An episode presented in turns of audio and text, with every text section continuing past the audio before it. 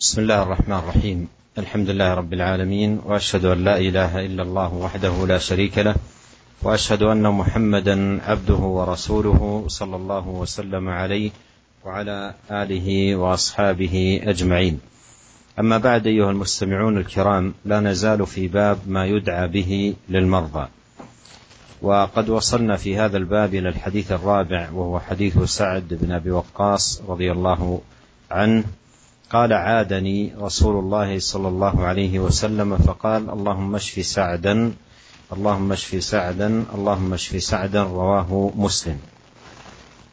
في هذا الحديث العظيم أيها الإخوة المستمعون الكرام حسن تعامل النبي الكريم عليه الصلاة والسلام مع صحابته الكرام ولطفه صلى الله عليه وسلم وجمال خلقه فها هو يعود واحدا من أصحابه والعيادة هي الزيارة للمريض. وزيارة المريض حق من حقوقه على إخوانه اطمئنانا على صحته ودعاء له. وفي هذا الحديث دعوة مختصرة فيها سؤال الله سبحانه وتعالى الشفاء. والله عز وجل هو الذي بيده الشفاء كما في القرآن وإذا مرضت فهو يشفين. ومر معنا لا شفاء إلا شفاؤك. فالشافي هو الله سبحانه وتعالى. ولهذا من أهم ما يدعى به للمريض سؤال الله سبحانه وتعالى له الشفاء. ولو اكتفى الزائر بهذه الكلمة اللهم اشف فلانا يسميه ويكررها ثلاثا كما فعل النبي صلى الله عليه وسلم فإن في ذلك خيرا عظيما ومن السنة تكرار هذه الدعوة ثلاث مرات كما فعل النبي الكريم صلوات الله وسلامه وبركاته عليه Bismillahirrahmanirrahim. Alhamdulillah segala puji dan syukur kita panjatkan kehadirat Allah Subhanahu wa taala. Salawat dan salam semoga senantiasa tercurahkan kepada baginda Rasulullah sallallahu alaihi wasallam dan juga kepada keluarga beliau serta para sahabat beliau semuanya tanpa terkecuali. Para pendengar Radio Roja dan juga para pemirsa Roja TV di mana pun anda berada, kita masih pada uh, berada pada bab uh, tentang apa yang diucapkan atau doa apa yang dipanjatkan terhadap orang yang sedang sakit. Dan kita telah sampai pada hadis yang keempat dari sahabat Sa'ad bin Abi Waqqas radhiyallahu taala anhu, beliau berkata, "Adani Rasulullah sallallahu alaihi wasallam, Rasulullah sallallahu alaihi wasallam menjengukku." Kemudian beliau berkata, "Allahumma shfi Sa'dan, Allahumma shfi Sa'dan, Allahumma shfi Sa'dan." Ya Allah sembuhkanlah Sa'ad, ya Allah sembuhkanlah Sa'ad, ya Allah sembuhkanlah Sa'ad. Hadis ini diriwayatkan oleh Al-Imam Muslim. Para pemirsa yang dirahmati oleh Allah Subhanahu wa taala, hadis ini menunjukkan tentang bagaimana ya muamalah Nabi sallallahu alaihi wasallam terhadap para sahabat-sahabatnya. Bagaimana lembutnya Nabi sallallahu alaihi wasallam, bagaimana indahnya akhlak Nabi sallallahu alaihi wasallam. Lihatlah bagaimana Nabi sallallahu alaihi wasallam mengunjungi mengunjungi dan menjenguk menjenguk salah seorang dari sahabat-sahabat yang sedang sakit. Dan kita tahu bahwasanya menjenguk orang yang sakit ya merupakan salah satu hak dari hak-hak persaudaraan yang harus ditunaikan ya kita menjenguk orang yang sakit dalam rangka untuk menenangkan hati kita bagaimana dan juga menenangkan hatinya bagaimana kondisinya. Kita ingin tahu bagaimana kondisinya bagaimana kesehatannya. Kemudian kita mendoakan dia tatkala kita sedang mengunjunginya. Ya, dan dalam hadis ini Rasulullah Shallallahu Alaihi Wasallam mendoakan Sa'ad bin Abi Waqqas dengan doa yang ringkas. Ya akan tapi tentunya mengandung makna yang dalam yaitu Rasulullah Shallallahu Alaihi Wasallam uh, meminta agar Allah memberi kesembuhan kepada Sa'ad bin Abi Waqqas dan kita tahu bahwasanya kesembuhan hanyalah dari Allah Subhanahu wa taala. Sebagaimana dalam Al-Qur'an perkataan Ibrahim alaihissalam wa idza maridtu fahuwa yashfin. Dan jika aku sakit, maka dialah Allah Subhanahu wa taala yang menyembuhkanku. Demikian juga telah kita lewati doa yang lain la shifaa illa shifauk. Ya Allah tidak ada kesembuhan kecuali kesembuhanmu, kecuali dari Allah Subhanahu wa taala. Oleh karenanya tatkala seorang menjenguk saudaranya yang sedang sakit, di antara doa yang terpenting untuk dia panjatkan kepada Allah untuk orang yang sedang sakit, yaitu berdoa kepada Allah agar menyembuhkan menyembuhkan orang yang sedang sedang sakit ini. Kalau seandainya dia cukup dengan doa yang diajak yang disebutkan oleh Nabi terhadap saat Allahumma shfi ya fulanan ya. Dia dia mengucapkan ya Allah sembuhkanlah si fulan, dia sebutkan namanya Kemudian dia ulang tiga kali, ya Allah sembuhkanlah si fulan, ya Allah sembuhkan si fulan, maka ini merupakan doa yang sangat agung ya dan disunahkan kita untuk mengulangi sebanyak tiga kali sebagaimana Nabi Shallallahu Alaihi Wasallam meminta kesembuhan kepada Sa'ad bin Abi Waqqas dengan mengulanginya sebanyak tiga kali. قال رحمه الله عن ابي عبد الله عثمان بن ابي العاص رضي الله عنه انه شكى الى رسول الله صلى الله عليه وسلم وجعا يجده في جسده فقال له رسول الله صلى الله عليه وسلم ضع يدك على الذي تألم من جسدك وقل بسم الله ثلاثا وقل سبع مرات أعوذ بعزة الله وقدرته من شر ما أجد وأحاذر رواه مسلم. وهذه أيها الإخوة المستمعون رقية عظيمة يشرع للمسلم أن يرقي بها نفسه. ولا سيما إذا وجد ألما ووجعا في أي موضع من بدنه سواء في مثلا بطنه أو في صدره أو في رأسه أو في يده أو في أي موضع من بدنه يضع يده على مكان الألم مكان الوجع الموضع الذي يحس أنه يؤلمه من جسده ثم يسمي ثلاث مرات. يقول بسم الله بسم الله بسم الله ثلاث مرات. والبسملة هي استعانة بالله.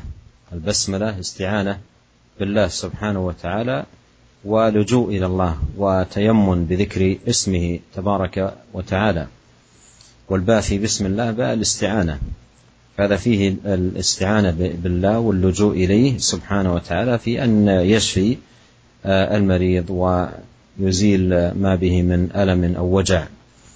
وقوله ثلاثا مر معنا أن النبي صلى الله عليه وسلم يكرر الدعاء ثلاثا. قال وقل سبع مرات. وقل سبع مرات. أعوذ بعزة الله وقدرته من شر ما أجد وأحاذر وقل سبع مرات. أعوذ بعزة الله وقدرته من شر ما أجد وأحاذر وقوله من شر ما أجد وأحاذر أي من شر ما أجد من وجع وألم. ومن شر ما أحاذر من ذلك أي ما أخاف وأتوقع وقوعه. وهذا فيه التعوذ من الوجع الذي هو فيه والتعوذ من الوجع الذي يخاف حصوله أو يتوقع حصوله في المستقبل. ومن ذلك تفاقم المرض الذي هو فيه وتزايده. وهذا يحصل للإنسان كثيرا عندما يصاب بمرض فإنه قد ينتابه شيء من القلق تخوفا من تزايد المرض وتفاقمه. وفي هذه الدعوة العظيمة تعوذ بالله من ذلك Para pemirsa yang dirahmati oleh Allah Subhanahu wa taala, kemudian kita lanjutkan hadis yang kelima dari sahabat Abu Abdullah Utsman bin Abil As radhiyallahu taala anhu, annahu syaka ila Rasulillah sallallahu alaihi wasallam waja'an yajiduhu fi jasadihi. Dia menemui Nabi sallallahu alaihi wasallam dan dia mengeluhkan tentang rasa sakit yang dia dapatkan di badannya. Maka Rasulullah SAW berkata kepadanya, "Dha' yadaka 'ala alladhi ta'allama min jasadik."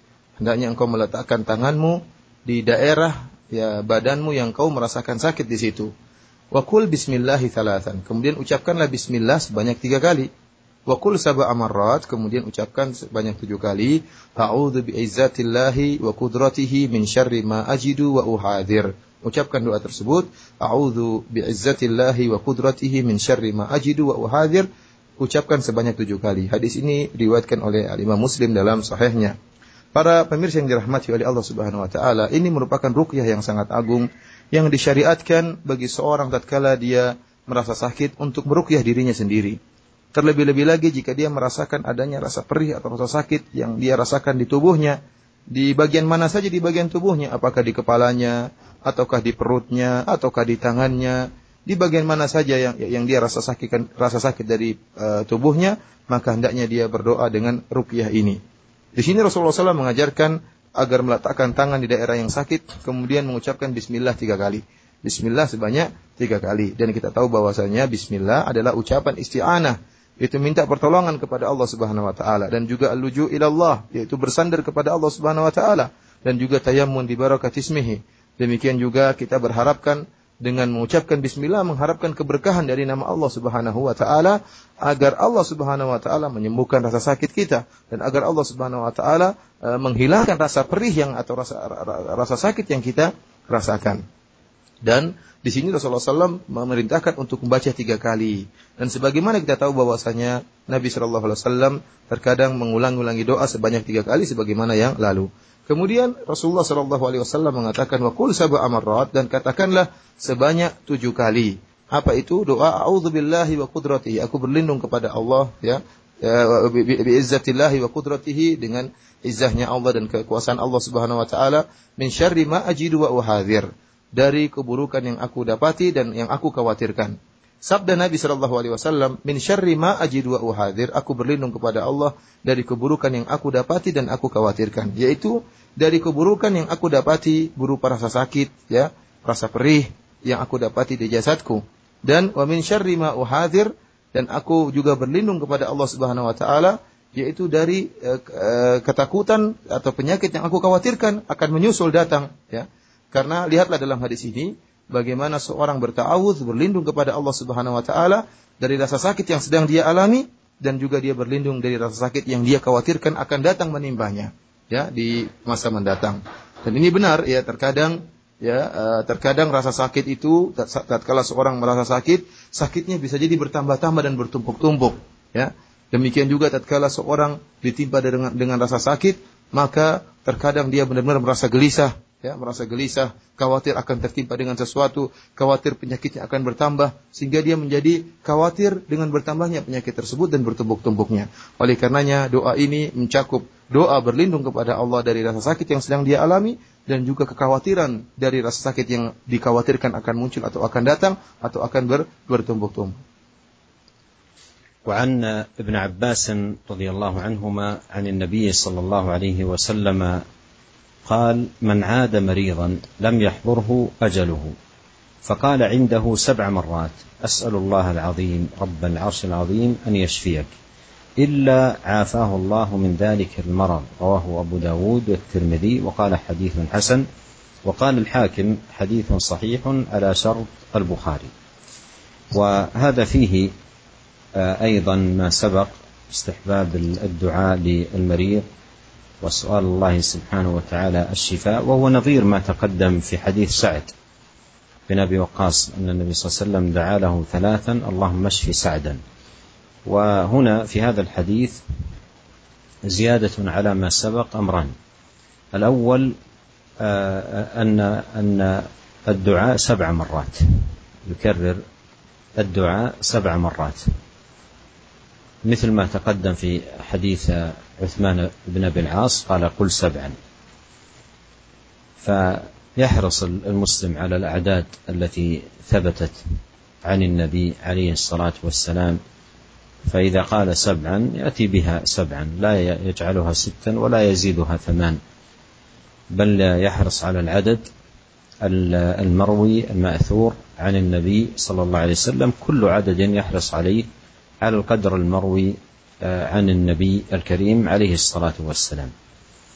الأمر الثاني فيه زيادة توسل بعظمة الله وربوبيته للعرش ففيه توسل إلى الله. أسأل الله العظيم رب العرش العظيم هذه وسائل يتوسل إلى الله سبحانه وتعالى بها والمطلوب هو الشفاء. قال إلا عافاه الله من ذلك المرض. وفيه أن دعوة المسلم لأخيه المسلم مستجابة. وفيه بركة عيادة المريض والدعاء له وعظم المنفعة التي تترتب عليها ولا سيما عندما يدعو له بصدق وإلحاح على الله وتكرار لألفاظ الدعاء سبع مرات كما هو مأثور عن نبينا الكريم عليه الصلاة والسلام. Kemudian hadis berikutnya yaitu hadis yang keenam dari sahabat Ibnu Abbas radhiyallahu taala anhuma dari Nabi sallallahu alaihi wasallam bahwasanya Rasulullah SAW bersabda, "Man ada maridan lam yahdurhu ajaluhu." Ya, tatkala ada barang siapa yang menjenguk orang yang sakit yang belum uh, meninggal dunia, faqala indahu sab'a marrat, kemudian dia berdoa di sisi orang yang sakit tersebut sebanyak tujuh kali, "As'alullah al-azim rabbal arsyil azim ayyashfiyaka." Ya Allah, aku uh, aku minta kepada yang Allah yang Maha Agung, yang penguasa arsy yang agung, an yashfiyaka agar Allah menyembuhkan engkau. Illa afahu Allah min dzalikal marad kecuali Allah akan me, menyembuhkan uh, orang yang sakit tersebut dari penyakitnya. Hadis ini diriwayatkan oleh Imam Abu Dawud dan Imam Tirmidzi dan Imam Tirmidzi mengatakan hadisun hasan. Kemudian Al-Hakim mengatakan hadisun sahihun ala syartil Bukhari. Hadis ini adalah hadis yang sahih sesuai dengan kriteria persyaratan Al-Imam Al-Bukhari. Para uh, pemirsa yang dirahmati oleh Allah Subhanahu wa taala, dalam hadis ini ya sebagaimana yang lalu di, menunjukkan tentang disunahkan kita berdoa bagi orang yang sedang sakit. Kemudian kita memohon kepada Allah Subhanahu wa taala kesembuhan bagi orang yang sedang sakit. Dan hadis ini mirip dengan hadis yang sebelumnya tentang di mana Nabi SAW mendoakan kepada Sa'ad bin Abi Waqqas, Allahumma shfi Sa'dan, yaitu Rasulullah SAW memohon eh, kesembuhan dari Allah buat Sa'ad bin Abi Waqqas. Akan tapi eh, dalam hadis ini ada dua perkara eh, yang berbeda daripada hadis Sa'ad bin Abi Waqqas. Yang pertama bahwasanya doa dalam hadis ini disebutkan tujuh kali, ya disebutkan tujuh kali. Nah ini sama dengan hadis sebelumnya, hadis Uthman bin Abil As ya Rasulullah SAW mengatakan wakul sab'a amarat dan ucapkanlah tujuh kali. Jadi ada doa Nabi yang diucapkan tiga kali, ada yang diucapkan tujuh kali. Adapun doa dalam hadis ini diucapkan tujuh kali. Dan tatkala disebut bilangan tujuh, maka seorang muslim hendaknya berusaha untuk bisa mendatangkan doa tersebut sebanyak tujuh kali. Ya sebagaimana diriwayatkan dari Nabi Shallallahu Alaihi Wasallam, tidak dia kurangi menjadi enam kali atau dia tambah-tambah menjadi delapan kali, sembilan kali tidak, tetapi dia berusaha mendatangkan doa tersebut sesuai dengan kadar atau jumlah bilangan yang diriwayatkan dari Nabi Shallallahu Alaihi Wasallam. Ini perkara yang pertama. Perkara yang kedua, dalam hadis ini ada tambahan tawasul, ya, bertawasul dengan keagungan Allah Subhanahu Wa Taala dan bertawasul dengan rububiyah, ya kekuasaan Allah terhadap ars yang agung. Ya, ya, ya dan tujuannya adalah agar Allah menyembuhkan. Jadi ber, ber, bertawasul dengan keagungan Allah dan sifat rububiyah Allah agar Allah menyembuhkan orang yang sedang sakit. Sebagaimana dalam uh, doanya tadi, uh, as'alullah azim, as'alullah al-azim, rabbal arshil azim ya. Aku meminta kepada Allah yang Maha Agung yang menguasai arsy yang yang agung. Barang siapa yang mengucapkan doa ini sebanyak tujuh kali, ya, maka Allah akan menyembuhkan e, orang tersebut dari sakitnya. Dan ini dalil bahwasanya doa seorang muslim kepada saudaranya dikabulkan oleh Allah Subhanahu wa taala, mustajab, dikabulkan oleh Allah Subhanahu wa taala. Terlebih-lebih lagi doa tersebut dikeluarkan dari hati yang tulus dari seorang muslim yang menyenguknya dan juga dengan penuh permohonan dan harapan kepada Allah Subhanahu wa taala, maka niscaya Allah akan mengabulkan doa tersebut. Qala rahimahullahu taala وعنه أي ابن عباس رضي الله عنهما أن النبي صلى الله عليه وسلم دخل على أعرابي يعوده وكان إذا دخل على من يعوده قال لا بأس طهور إن شاء الله رواه البخاري. وهذا فيه استحباب قول هذه الكلمة لا بأس طهور إن شاء الله. ومعنى لا بأس أي لا شدة ولا أذى. ففيه سؤال الله عز وجل زوال الشدة والأذى وقوله طهور أي ما أصابك مطهر لك. مطهر لك وفيه تطهير لك. والمصائب كفارات تطهر العبد من ذنوبه وخطاياه. وقوله إن شاء الله هذه ليست جملة دعائية لأن النبي عليه الصلاة والسلام نهى أن يقول الرجل اللهم اغفر لي إن شئت اللهم ارحمني إن شئت. وإنما هي جملة خبرية. وإنما هي جملة خبرية. والمعنى أن الأمور بمشيئة الله. إن شاء الله أي الأمور كلها بمشيئة الله سبحانه وتعالى. Kemudian hadis berikutnya sama datang dari sahabat Ibnu Abbas radhiyallahu taala anhuma. Bahwasanya Nabi sallallahu alaihi wasallam jika suatu saat Rasulullah wasallam menemui seorang Arabi yaitu Arab Badui yang sedang dalam uh, keadaan sakit dan Nabi SAW menjenguknya. Wa kana idza dakhala ala man dan Nabi sallallahu alaihi wasallam jika menjenguk orang yang sakit uh, beliau berkata la ba's tahurun insyaallah. Ya, la ba's tahurun insyaallah. Ya, hadis ini diriwayatkan oleh Imam Al-Bukhari. Para pemirsa yang dirahmati oleh Allah Subhanahu wa taala, dalil hadis ini merupakan dalil disunahkan bagi seorang yang menyinggung orang yang sakit untuk membacakan kalimat ini yaitu doa ini la ba'as tahurun insyaallah. Apa artinya la ba'as? La ba'as artinya la syiddah wala adha yaitu uh, artinya tidak ada uh, kesulitan dan tidak ada uh, gangguan, tidak ada penyakit. Artinya seorang memohon kepada Allah Subhanahu wa taala agar Allah menghilangkan rasa sakit, menghilangkan rasa berat yang dihadapi oleh orang yang sudah sakit. Oleh karenanya perkataan labas artinya permohonan kepada Allah untuk menghilangkan rasa sakit, untuk menghilangkan rasa sulit, rasa berat yang dialami oleh seorang yang sedang sakit. Kemudian tahur, tahur artinya suci, artinya apa yang menimpa engkau ya berupa rasa sakit dan yang lainnya itu akan mensucikan engkau, membersihkan engkau. Karena kita tahu bahwasanya al-masaib adalah kafarat, bahwasanya musibah-musibah yang menimpa seorang hamba merupakan penebus penebus dosa-dosanya dan juga akan menggugurkan kesalahan-kesalahannya. Oleh karenanya ya, kita sekalian berdoa kepada Allah Eh, mendoakan orang yang sakit tersebut dan juga mengingatkan kepada dia bahwasanya dia akan diampuni dosa-dosanya dan akan dikurangi kesalahan-kesalahannya.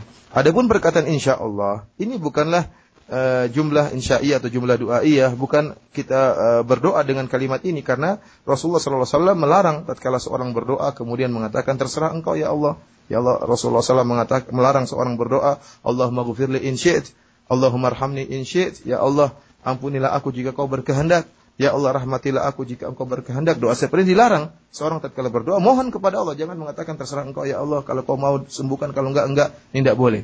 Tetapi kalimat insya Allah di sini adalah eh, jumlah khabariyah. Yaitu Rasulullah SAW mengabarkan bahwasanya orang yang seperti ini ya, akan diharapkan diampuni dosa-dosanya dan juga akan dihilangkan uh, penyakitnya dan gangguan yang dihadapinya tatkala sedang sakit.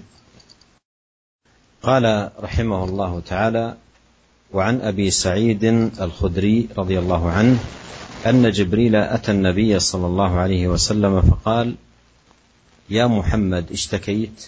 قال نعم. قال بسم الله أرقيك من كل شيء يؤذيك من شر كل نفس أو عين حاسد الله يشفيك.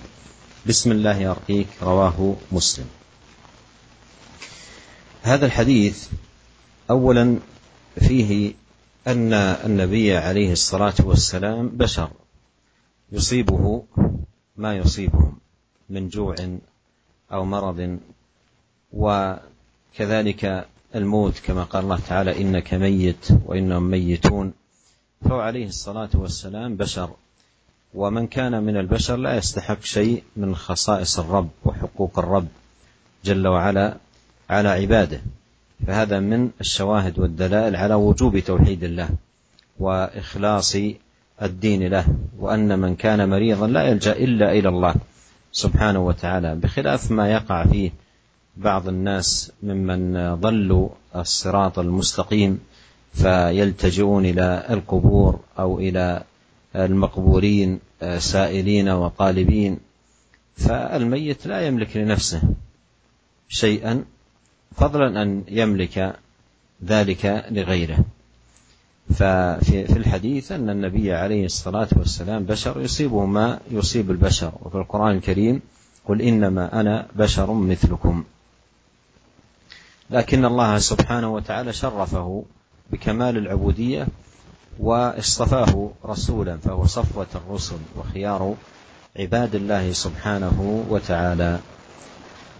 في هذا الحديث أن جبريل أتى النبي عليه الصلاة والسلام فقال يا محمد اشتكيت؟ أي هل اشتكيت من من مرض من وجع؟ فقال نعم. قال نعم. وهذا فيه جواز. الإخبار. إخبار المريض عما به من وجع. من باب الإخبار لا من باب الشكوى. فرق بين باب الإخبار وباب الشكوى والتسخط. فالأول جائز والثاني لا يجوز. فيخبر عما بهم من مرض إخبارا لا شكاية وتسخطا. وهذا جائز إذا كان على سبيل آه، الإخبار. ثم قال جبريل قال جبريل بسم الله أرقيك من كل شيء يؤذيك من شر كل نفس أو عين حاسد الله يشفيك بسم الله أرقيك. وهذا فيه رقية جبريل عليه عليه السلام لنبينا الكريم عليه الصلاة والسلام. وهي رقية يرقى بها المريض أو المحسود أو الذي أصيب بعين. كل هؤلاء يرقون بهذه الرقية. يقال في عند رقيتهم بسم الله أرقيك من كل شيء يؤذيك. من كل شيء يؤذيك. بسم الله أرقيك. أي بهذه الكلمة العظيمة أرقيك. وبسم الله هي أعظم رقية. بسم الله هي أعظم رقية. واسم الله سبحانه وتعالى عظيم. ما ذكر على شدة إلا زالت وعلى مرض إلا انكشف وعلى هم إلا انفرج. وقوله من كل شيء يؤذيك أي من كل شيء تجد منه أذى أو ألما أو تعبا من شر كل نفس أو عين حاسد. من شر كل نفس أي نفس آه، نفس حسود آه، ألحقت بالمرء ضررا أو عين حاسد والعين حق كما صح عن نبينا عليه الصلاة والسلام. وقوله الله يشفيك أي أن الشفاء بيد الله. وفيه يتضمن سؤال الله سبحانه وتعالى له الشفاء وأنه لا شافي إلا الله سبحانه وتعالى. ثم يختم بما بدأ بسم الله أرقيك. وهذه رقية عظيمة رقية عظيمة آه، آه، يحرص يحرص على أن يرقى بها آه، المريض. وهي وافية وفيها معاني عظيمة وشاملة لما يصاب به المرض من أنواع المريض من أنواع المرض قال من كل شيء وذيك من شر كل نفس أو عين حاسد Para pemirsa yang dirahmati oleh Allah Subhanahu wa taala, kemudian kita lanjutkan hadis berikutnya itu hadis yang ke-8 dari sahabat Abu Sa'id Al-Khudri radhiyallahu taala anhu bahwasanya Jibril alaihissalam mendatangi Nabi sallallahu alaihi wasallam kemudian Jibril berkata kepada Nabi sallallahu alaihi wasallam, "Ya Muhammad ishtakait?" Wahai Muhammad, apakah engkau sakit? Qala na'am. Maka Rasulullah SAW menjawab, iya.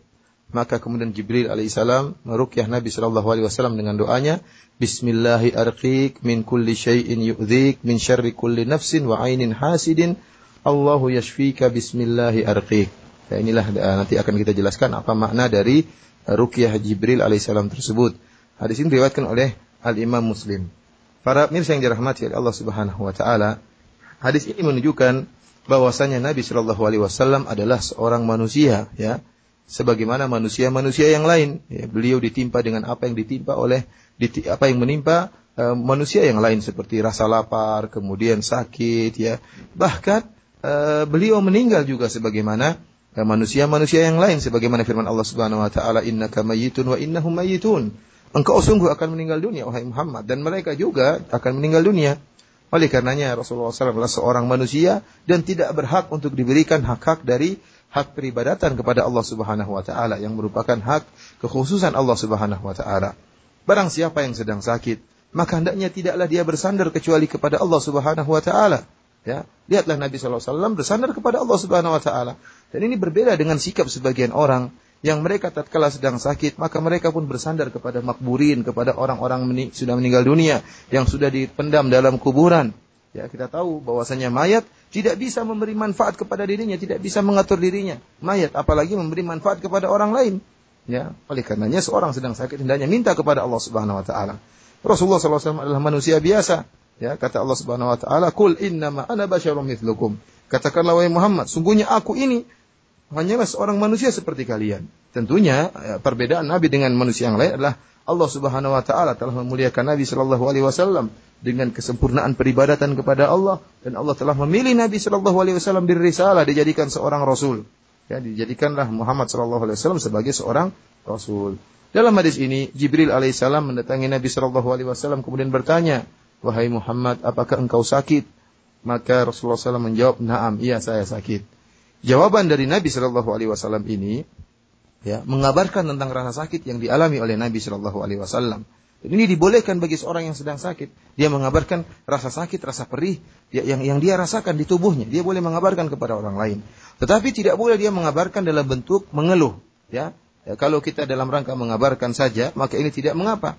Jadi ini diperbolehkan, tetapi kalau mengabarkan dalam rangka mengeruh apa, apa namanya mengeluh seakan-akan protes dengan keputusan Allah Subhanahu wa taala, maka ini tidak diperbolehkan. Kemudian Jibril alaihissalam ya membacakan ruqyah kepada Nabi Shallallahu alaihi wasallam dan itu merupakan rukyah yang mulia dari seorang malaikat yang mulia kepada nabi yang mulia.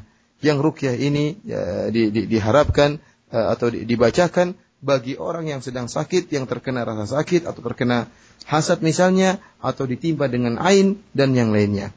Mari kita uh, kita lihat uh, apa rukyah Jibril alaihissalam. Yaitu beliau berkata Bismillahi arqiq ya Bismillahi arqiq atau namanya uh, Bismillah. Ya merupakan uh, a'zamu ruqyah. Ruqyah yang paling baik adalah dengan mengucapkan bismillah dengan bertawassul kepada nama Allah yang yang agung dan tidaklah nama Allah disebutkan dalam segala kesulitan kecuali akan hilang kesulitan tersebut. Tidaklah nama Allah ya disebutkan dalam kondisi uh, kesedihan kecuali akan hilang kesedihan tersebut. Tidaklah nama Allah yang disebutkan, tidaklah nama Allah yang agung disebutkan dalam tatkala kondisi seorang dalam keadaan gelisah kecuali akan hilangkan kegelisahan kegelisahan tersebut. Uh, Jibril alaihissalam berkata, Bismillahi arqiq min kulli syai'in yu'dhik. Aku merukyah engkau dari segala sesuatu yang mengganggumu. Ya baik rasa sakit, baik kegelisahan, baik kesulitan. Min syarri kulli nafsin au ainin hasid. Dan juga aku merukyah engkau ya meminta kepada Allah kesembuhan dan perlindungan min syarri kulli nafsin dari eh, dari keburukan seluruh jiwa ya seluruh jiwa yang mengganggu ya ya, yaitu seperti jiwa yang hasad, jiwa yang dengki, yang bisa memberikan kemudaratan bagi seorang seseorang ini semua di, di, didoakan oleh Jibril agar tidak terganggu. Au ainin hasid demikian juga agar terhindarkan dari uh, penyakit ain ya, ya, yang hasad ya kepada uh, kepada seseorang ya, kepada Nabi Shallallahu Alaihi Wasallam Allahu yashfik dan semoga Allah Subhanahu wa taala menyembuhkan engkau. Yang ini dalil bahwasanya kesembuhan hanyalah dari Allah Subhanahu wa taala. Kemudian malaikat Jibril alaihissalam menutup rukyah tersebut dengan apa yang dia mulai itu dengan kembali mengucapkan bismillahi arqiq ya bismillahi arqiq. Ini merupakan rukyah yang yang sangat agung yang uh, seorang yang sakit dibacakan rukyah doa doa ini uh, dari apa-apa yang dia uh, rasakan apa yang menimpanya dari segala bentuk penyakit, apakah dia sakit biasa ataukah terkena ain atau terkena gangguan ya, jiwa yang jahat dan yang lainnya maka kita bacakan ruqyah yang diajarkan oleh malaikat Jibril alaihissalam. قال رحمه الله تعالى وعن أبي سعيد الخدري وأبي هريرة رضي الله عنهما أنهما شهدا على رسول الله صلى الله عليه وسلم أنه قال من قال لا إله إلا الله والله أكبر صدقه ربه فقال لا إله إلا أنا وأنا أكبر وإذا قال لا إله إلا الله وحده لا شريك له قال يقول لا إله إلا أنا وحدي لا شريك لي. وإذا قال لا إله إلا الله له الملك وله الحمد قال لا إله إلا أنا لي الملك ولي الحمد. وإذا قال لا إله إلا الله ولا حول ولا قوة إلا بالله قال لا, لا إله إلا أنا ولا حول ولا قوة إلا بي. وكان يقول أي النبي صلى الله عليه وسلم من قالها في مرضه ثم مات لم تطعمه النار. رواه الترمذي. وقال حديث حسن. وهذا هذه الكلمات العظيمة كما هو واضح من هذا السياق المبارك يستحب أن يحرص عليها المسلم وأن يكثر من آه، تكرارها ولا سيما المريض. ولا سيما المريض. فإن هذه الكلمات العظيمة التي هي توحيد وتعظيم وتكبير لله واستعانة بالله كما سيأتي بيان ذلك. آه، من أسباب الشفاء ومن أعظم أسباب الشفاء لأن فيها توحيد الله وتمجيده وتعظيمه. وكم هو عظيم بالمريض أن يشغل نفسه في مرضه بهذا هذا الذكر المبارك الذي هو من أعظم آه، أسباب الشفاء. وإن كان الله سبحانه وتعالى قدر له موتا في مرضه ذلك فأعظم بها من آه، كرامة وبركة وخير حيث يقول النبي صلى الله عليه وسلم من قالها في مرضه ثم مات لم تطعمه النار وفي رواية لم تمسه النار. وهذه فضيلة عظيمة ولهذا يحرص المريض على هذه الكلمات المباركات يكررها فإنها من أعظم أسباب الشفاء وإن كان الله سبحانه وتعالى قد كتب له موتا في ذلك المرض فإن من مات على ذلك لم تطعمه النار. وفي هذا الحديث تكرر أيها الإخوة المستمعون قوله صدقه ربه صدقه ربه. والله سبحانه وتعالى من أسمائه جل وعلا المؤمن. ومن معاني هذا الاسم أي المصدق الذي يصدق الصادقين. وهذا الحديث من الشواهد على ذلك لأن الله سبحانه وتعالى يصدق الشاهدين له بالتوحيد والمكبرين المعظمين لله سبحانه وتعالى يشهد لهم بأن ما قالوه حق وصدق. فالعبد يوحد الله ويكبره ويعظمه ويحمده سبحانه وتعالى والله جل وعلا يصدقه. يقول قال صدقه عبده. صدقه عبده. ثم هذه الكلمات المباركات كلمات عظيمة جدا. بدأها بأعظم الكلمات على الإطلاق وهي كلمة التوحيد لا إله إلا الله. وهي كلمة توحيد وإخلاص لله. فيها نفي العبودية عن كل من سوى الله وإثبات العبودية بكل معانيها لله وحده.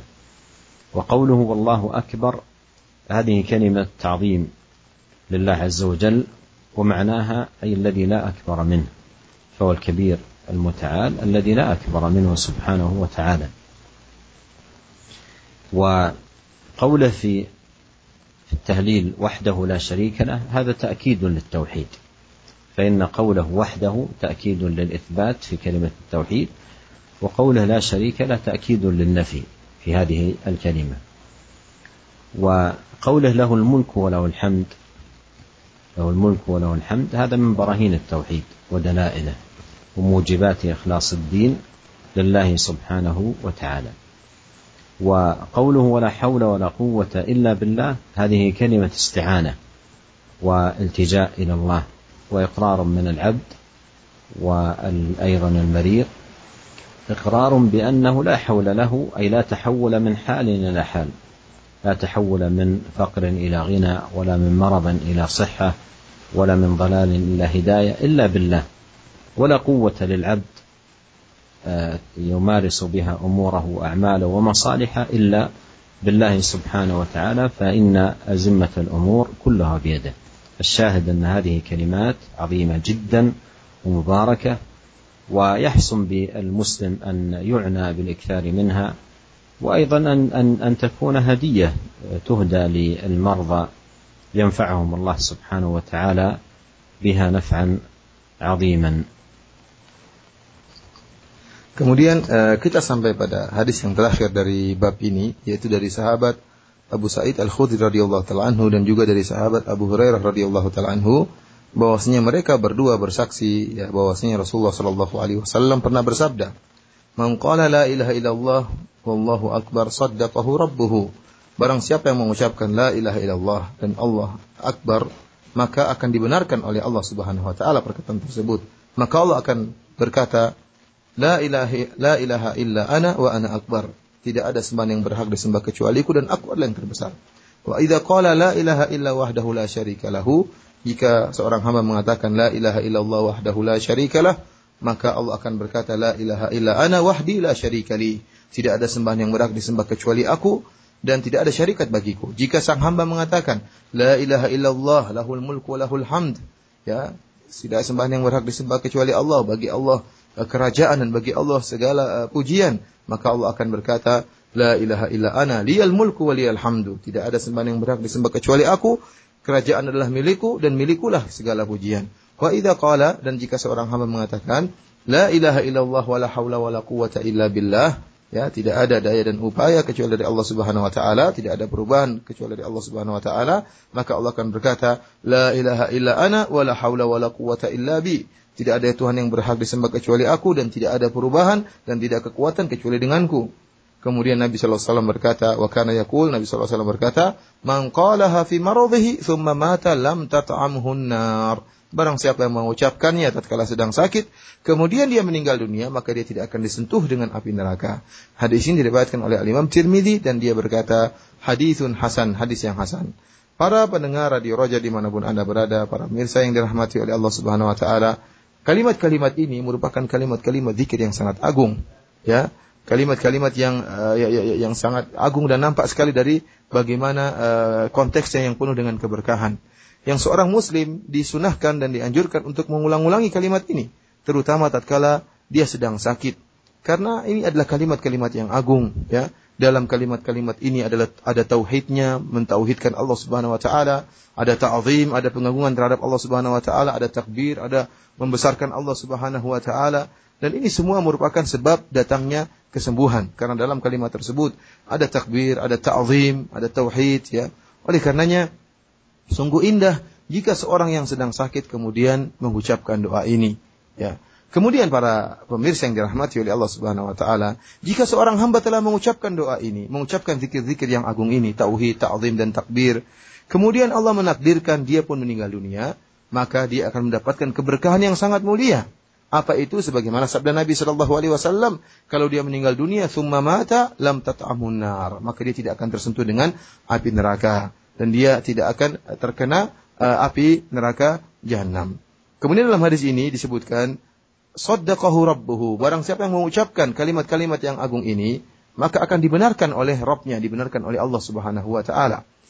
Kita tahu bahwasanya di antara nama-nama Allah yang indah, di antara asmaullah al-husna, yaitu nama Allah al-mu'min. Di antara makna al-mu'min adalah al-musaddiq yang membenarkan. Yaitu apa? Yaitu yang membenarkan orang-orang yang jujur, yang benar. Dan membenarkan orang-orang yang telah mempersaksikan tauhid Allah, yang telah menggunakan Allah subhanahu wa ta'ala. Oleh karena dalam hadis ini tatkala seorang bersaksi atau seorang mengucapkan kalimat tentang tauhid, maka Allah benarkan perkataan dia. Tatkala seorang mengucapkan tentang uh, pengagungan, tentang takbir, Allah membenarkan perkataan dia. Ya. Lihatlah dalam hadis ini bagaimana kalimat-kalimat yang penuh keberkahan. Uh, Rasulullah SAW mulai dengan kalimat tauhid, kalimat ikhlas, la ilaha illallah. Ya, yang ini menunjukkan tidak ada sembahan yang berhak disembah dan tidak ada sembahan yang berhak diberi ketundukan kecuali Allah Subhanahu wa taala. Wallahu akbar. Kemudian menyebutkan tentang pengagungan atau membesarkan Allah Subhanahu wa taala. Wallahu akbar artinya dan Allah yang maha besar. Artinya tidak ada yang lebih besar daripada Allah. Dialah Al-Kabirul Muta'al. Dialah Allah yang maha maha besar. Kemudian eh, kalimat berikutnya, La ilaha illallah wahdahu la syarikalah. Tidak ada sembahan yang berhak disembah kecuali Allah semata dan tidak ada syarikat baginya. Lihatlah dalam konteks kalimat ini, ya, dibuka dengan la ilaha illallah, diulangi lagi. Tidak ada sembahan yang berhak disembah kecuali Allah. Ini merupakan kalimat tauhid. Kemudian uh, dikatakan wahdahu, hanya engkau semata. Ini merupakan penekanan takkid terhadap tauhid. Kemudian la syarikalah, tidak ada syarikat bagi engkau. Ya sungguhnya penafian terhadap kesyirikan sudah termaktub dalam kalimat la ilaha illallah tetapi ditambah lagi penekanan la syarikalah. Jadi la syarikalah tidak ada syarikat bagimu adalah penekanan terhadap penafian terhadap kesyirikan. Ya. Kemudian la ilaha illallah lahul mulku lahul hamd. Tidak ada sembahan yang berhak disembah kecuali Engkau ya Allah, milikmulah segala kerajaan dan bagimulah segala pujian. Dan ini merupakan dalail at-tauhid, merupakan dalil-dalil tentang ketauhidan Allah Subhanahu wa taala, bahwasanya Allah lah yang berhak satu-satunya disembah, Allah Maha Esa dalam penyembahan hanya Allah yang berhak untuk disembah. Kenapa? Karena segala kerajaan hanyalah milik Allah Subhanahu wa taala dan segala pujian hanyalah milik Allah Subhanahu wa taala. Kemudian la haula wala quwata illa billah ya la ilaha illallah wala haula wala quwata illa billah dan la haula wala quwata illa billah adalah kalimat isti'anah di mana seorang hamba tatkala mengucapkan kalimat ini dia berikrar bahwasanya tidak ada haul, tidak ada perubahan dari satu kondisi-kondisi yang lain kecuali dengan izin Allah baik dari sakit menjadi sehat, baik dari kesesatan menjadi uh, mendapatkan petunjuk, dari kemiskinan kepada ke kekayaan, seluruhnya semata-mata karunia dari Allah Subhanahu wa taala. La quwata, tidak ada kekuatan, tidak ada upaya, tidak ada daya kecuali dari Allah Subhanahu wa taala. Oleh karenanya kalimat la ilaha illallah merupakan bentuk isti'anah, meminta pertolongan kepada Allah Subhanahu wa taala. Yang menjadi uh, perhatian kita dalam hadis ini yaitu seorang muslim hendaknya berusaha untuk mengucapkan kalimat-kalimat yang penuh berkah ini dan tidak mengapa kalimat-kalimat ini diberikan kepada orang sedang sakit sebagai hadiah bagi dia agar dia mengucapkan kalimat-kalimat yang penuh berkah ini dan mendapatkan keberkahan dari Allah Subhanahu wa taala.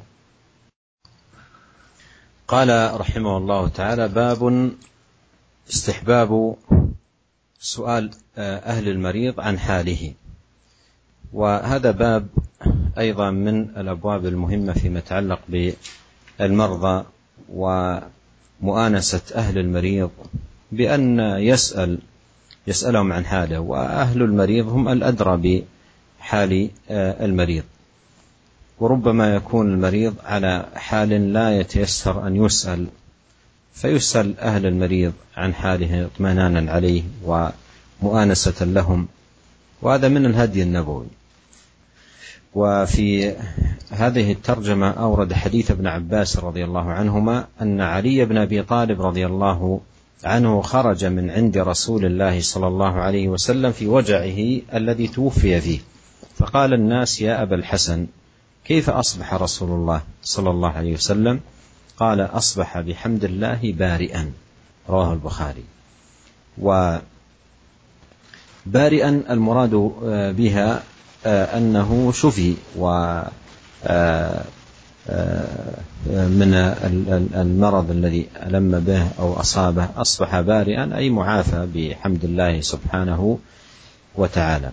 والشاهد من هذا الحديث السؤال عن حال حال المريض لا سيما من طريق أهله وقرابته وأن هذا السؤال من مستحبات في عيادة المرضى وهو من جملة المؤانسة والملاطفة لأهل المريض وقرابته وفيه أيضا أهمية التفاؤل أهمية التفاؤل للمريض بالعافية الشفاء كما قال علي رضي الله عنه أصبح بحمد الله بارئا.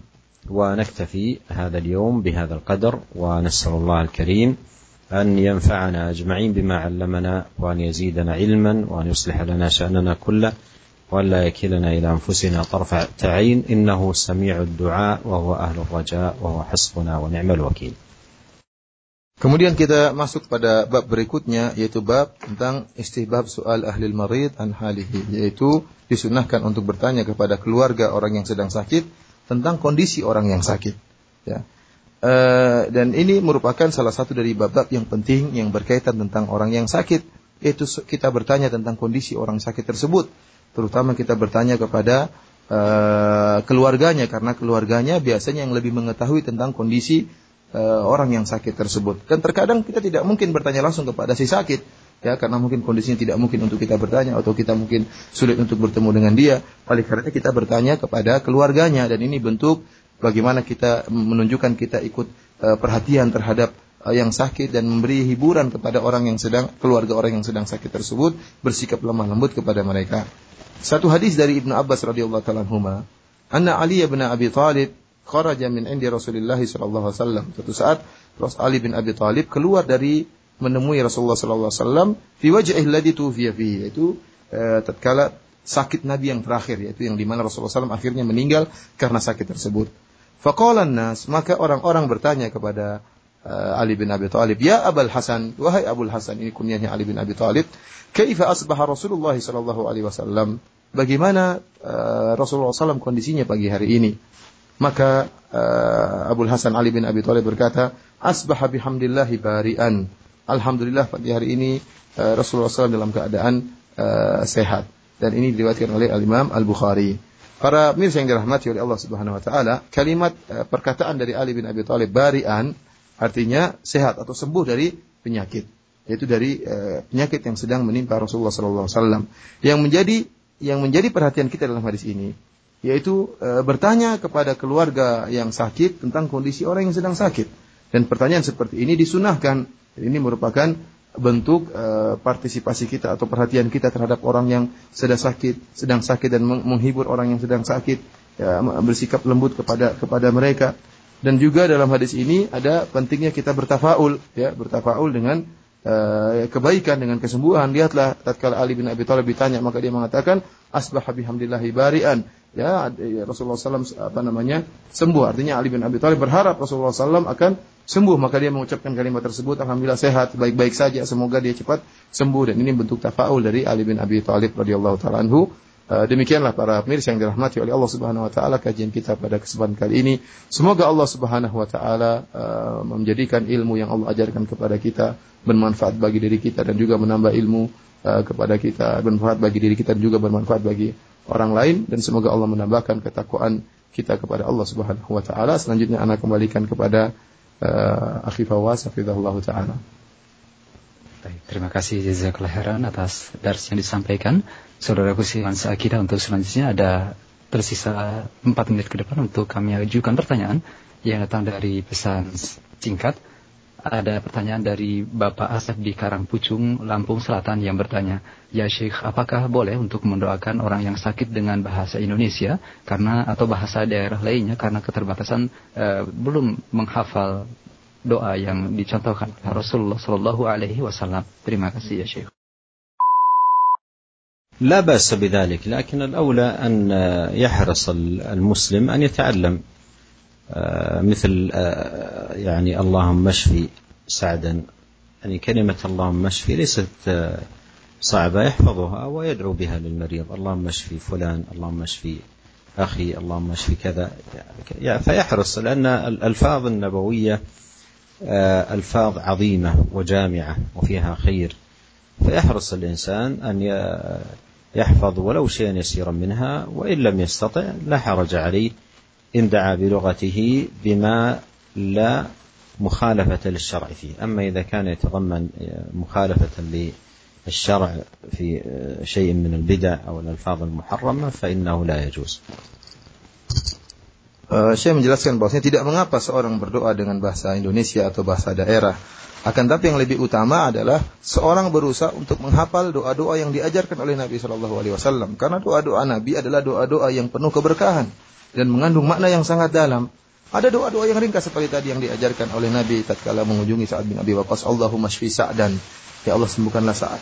Kita doa yang mudah, Allahumma shfi. Cuma begitu, Allahumma shfi. Kita sebutkan, ya Allah sembuhkan, Allahumma shfi fulan, si fulan sembuhkanlah dia, Allah. Allahumma shfi akhi, ya Allah sembuhkanlah saudaraku. Kalimat yang ringkas, Allahumma shfi, mudah di, dihafal. Ya, uh, dan oleh karenanya dia berusaha untuk menghafal sebagian doa-doa yang diajarkan oleh Nabi meskipun hanya sedikit.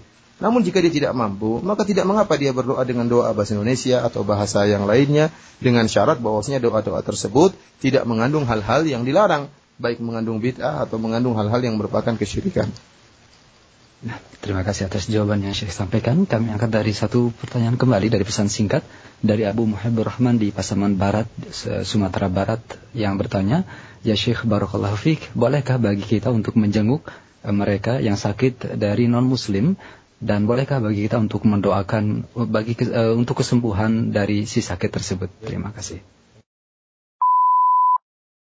مر معنا قريبا عيادة النبي صلى الله عليه وسلم للغلام اليهودي الذي كان يخدم النبي عليه الصلاة والسلام ومثل هذه العيادة العيادة لغير المسلم مع الدعاء أيضا له بالشفاء إذا كان المراد بها التألف تألف قلبه. لعل الله سبحانه وتعالى يجعل ذلك سببا لهدايته للإسلام ودخوله في الدين ودعوته إلى الإسلام كما صنع النبي صلى الله عليه وسلم مع الغلام اليهودي فإن هذا لا بأس به إن شاء الله. Uh, telah lalu penjelasan dalam hadis-hadis yang lalu bahwasanya Nabi SAW pernah mengunjungi seorang pemuda Yahudi yang pernah membantu-bantu Nabi Shallallahu Alaihi Wasallam tatkala pemuda tersebut sedang sakit. Ya, oleh karenanya boleh kita mengunjungi seorang yang non Muslim uh, tatkala sedang sakit dan boleh juga kita mendoakan dia untuk kesembuhan dengan syarat bahwasanya doa yang kita lakukan tersebut kunjungan dan doa tersebut dalam rangka untuk menarik perhatian hatinya ya dan merupakan siapa tahu merupakan sebab dia senang dengan agama Islam kemudian masuk dalam agama Islam kalau perlu kita mendakwahi dia. Nah, jazakallah khairan ya Syekh dan ini adalah pertanyaan terakhir dari pendengar kita yang bisa kami ajukan. Mohon untuk Pak Fadilatul Syekh memberikan ikhtitam dari kajian kita sore hari ini. Tafadhol. Fi khitami hadha liqa, azza wa jal an yuwaffiqana ajma'in li kulli khair wa an yuslih lana sya'nana kullah. وأيضا أسأل الله عز وجل أن يشفي مرضانا ومرضى المسلمين وأن يغفر لموتانا وموتى المسلمين وأن يصلح لنا شأننا كله وأن لا يكلنا إلى أنفسنا طرفة عين. إنه سميع الدعاء وهو أهل الرجاء وهو حسبنا ونعم الوكيل. والسلام عليكم ورحمة الله وبركاته. Waalaikumsalam warahmatullahi wabarakatuh. Jadi sebagai penutup dari kajian ini eh, kita berdoa kepada Allah Subhanahu wa taala agar Allah Subhanahu wa taala senantiasa memberi taufiknya kepada kita semua agar kita bisa terantarkan kepada segala kebajikan dan dan segala kebaikan dan agar Allah Subhanahu wa taala meluruskan dan uh, segala urusan kita, memudahkan segala urusan kita dan kita berdoa juga kepada Allah agar Allah Subhanahu wa taala menyembuhkan orang-orang yang sakit di antara kita. Demikian juga orang-orang yang sakit uh, yang ada di kalangan kaum muslimin dan juga agar Allah Subhanahu wa taala mengampuni ya, keluarga kita yang telah meninggal dunia dan juga mengampuni ya orang-orang uh, kaum muslimin secara umum yang telah meninggal dunia. Demikianlah semoga Allah Subhanahu wa taala uh, senantiasa memberi perlindungan uh, dan beri taufiknya kepada kita semua. Billahi taufiq walhamdulillahirabbil alamin. Assalamualaikum warahmatullahi wabarakatuh.